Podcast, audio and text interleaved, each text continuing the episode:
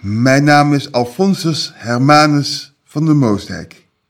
Mijn geboortenaam is Van de Bruggen. Ik ga jullie vertellen waarom ik zo twintig jaar geleden mijn naam van mijn moeder heb aangenomen. Kort voor haar dood heeft mijn moeder een biografie over mij geschreven. In het begin van het verhaal noemt ze ook de naamswijziging. De lezer is gewaarschuwd. U ook. Mijn moeder is tien jaar geleden overleden als gevolg van ME, het chronisch vermoeidheidssyndroom. Ze zat al jaren in een rolstoel en was steeds tot minder toe in staat. Maar goed, ik laat haar nu zelf aan het woord. Eén dag na de geboorte zei de vader van Fons, hij is van mij. Een zin die hij jarenlang zal herhalen. Hij claimde de baby voortdurend, zonder oog te hebben voor zijn behoeftes.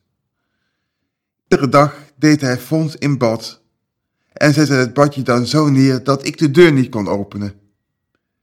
Als Fons huilde, kon hij er niet tegen. Het huilen van Fons was ook wel heftig en kon uren, soms ook wel dagen duren. Hij was extreem bang voor harde geluiden, ontwikkelde snel een woordenschat en kwelde voortdurend. Toen hij twee was, kende Fons alle automerken uit zijn hoofd.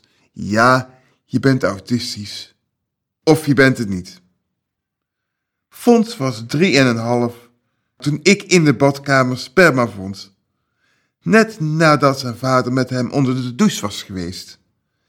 Ik confronteerde hem daarmee. Hij noemde het een ongelukje. Ik probeerde Fons niet meer alleen met zijn vader alleen te laten. Maar die was dwingend en tereniek.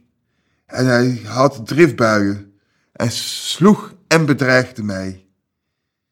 Toen hij een keer in het bijzijn van Fons sloeg, besloot ik van hem te scheiden. Fons en ik kregen een huis in de buurt.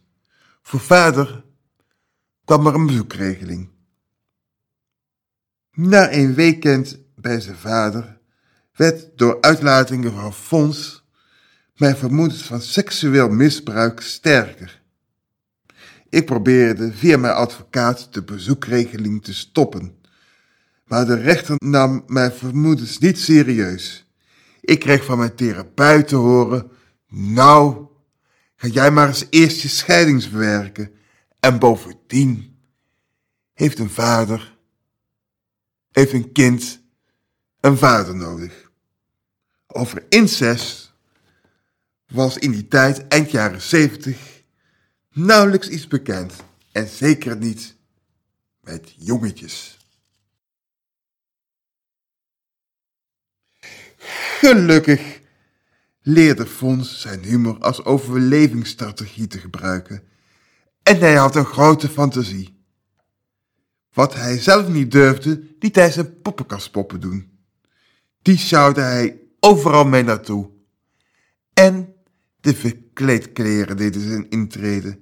Je zag hem maar zelden in zijn gewone kloffie. Eens in de twee weken ging Fons naar zijn vader. Hoewel hij gewillig meeging, kwam hij overstuur terug.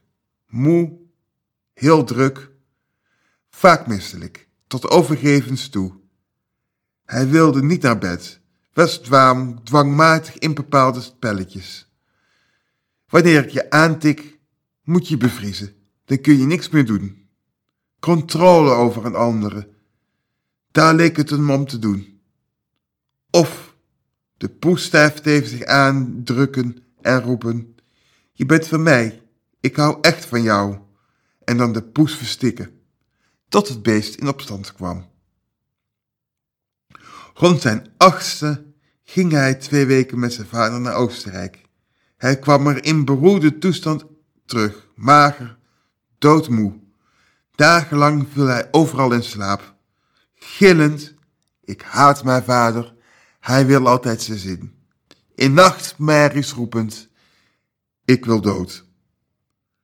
Alle verschijnselen werden steeds verklaard vanuit zijn handicap. Incest gebeurde niet met jongetjes, werd mij verzekerd. Fons sloot zich af als als er iets werd gevraagd. Zijn vader ontkende in grote stelligheid. Toen Fons 12 was, werd, hem, werd hij uitgebreid getest en er werd een opname geactiviseerd in het zonnehuis. Het zonnehuis was een hel pedagogisch instituut. Antroposofisch dus. Fons ging er naartoe met twee dozen verkleedkleren. Robin Hood, Napoleon. Het eerste jaar in het zonnehuis kregen wij gezinstherapie. Fons en zijn vader werden geobserveerd. En voor het eerst was er een hulpverlener die zei dat er sprake was van wat hij noemde een narcistische verhouding met vermoedelijk nachtelijke opwarmpraktijken. De therapeut wilde dat Fons niet meer naar zijn vader ging, maar die nam een advocaat in de arm en wilde de voogdij bevechten. Mijn ziekte was op dat moment zo verder gevorderd dat de kinderbescherming achter de kans dat vader daarom zou winnen reëel. Al mijn vermoedens werden ontkend, ook door Fons. Rond zijn vijftiende begon hij zich steeds negatiever te uiten over zijn vader. Maar als je dan doorvriet vroeg, klapte hij dicht en werd angstig. Ik nam contact op met de zedenpolitie en had gesprekken met vertrouwensartsen. Maar zonder duidelijke bewijzen konden zij niks doen. Fons was bijna 19 toen hij met seksueel misbruik naar buiten kwam. De feiten waren ernstig, schokkend en ernstig. Fons welhaast fotografisch geheugen ging terug tot zijn vierde jaar. Vanaf zeer jonge leeftijd tot het moment dat hij erover ging vertellen. Is hij door zijn vader gedwongen tot seksuele handelingen. Op de bank, voor de tv, in de badkamer, de slaapkamer en in de tent op de camping. En er was sprake van verkrachting. Vanaf zijn achtste moest hij naar gewelddadige video's kijken, gevolgd door misbruik. Zijn vader legde hem het zwijgen op met bedreigingen. Als je dit vertelt, ga ik je moeder vermoorden. Kortste tijd daarna kreeg hij een nieuwe kamergenoot, die Fons nachtenlang uit zijn slaap hield, omdat hij zichzelf wilde doden. Later vertelde hij aan Fons dat hij jarenlang door een groepsleiding seksueel was misbruikt. Fons is samen met hem naar de directeur gegaan. Er werden meer daders en slachtoffers bekend. Maar de ouders mochten niks weten. De kinderen kregen een zwijgplicht opgelegd. Er werden drie daders aangehouden: een leraar, omroepsleider en de pastoor. Alle drie meer dan twintig jaar werkzaam bij het zonnehuis. Ze hadden veel slachtoffers gemaakt, allemaal jongens. Er werden aangifte en rechtszaken en de daders zijn veroordeeld.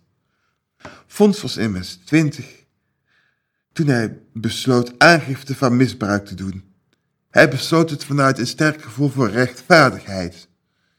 Hij wist dat buurkinderen en neefjes van zijn vader ook werden misbruikt. Zijn vader werd opgepakt en bleef ontkennen. Fons was helder en zeker van zijn zaak. Het proces begon een jaar later en zou drie jaar duren. Toen duidelijk werd hoe lastig zedenzaken te bewijzen zijn, was het moeilijk te begrijpen en te accepteren voor Fons. In de rechtszaal werd veel op Fons handicap geschoven. Hij zou het wel uh, gefantaseerd hebben. Toen de zaak voor de Hoge Raad kwam, besloot Fons een studioverhoor te ondergaan. Kort, twee ochtenden met camera's op hem gericht. Hij was helder en gedetailleerd en liet ook zijn emoties zien. Hij was vooral heel moedig. Zijn vrouw werd waarachtig en consistent bevonden. Zijn vader werd uiteindelijk veroordeeld. Fons kreeg een schadevoeding waarmee hij de therapeutkosten kon betalen. Begin 2000 vroeg hij een naamsverandering aan. Jullie weten nu dus waarom. Het gaat goed met mij. Ik ben een sociale autist en ik groet jullie.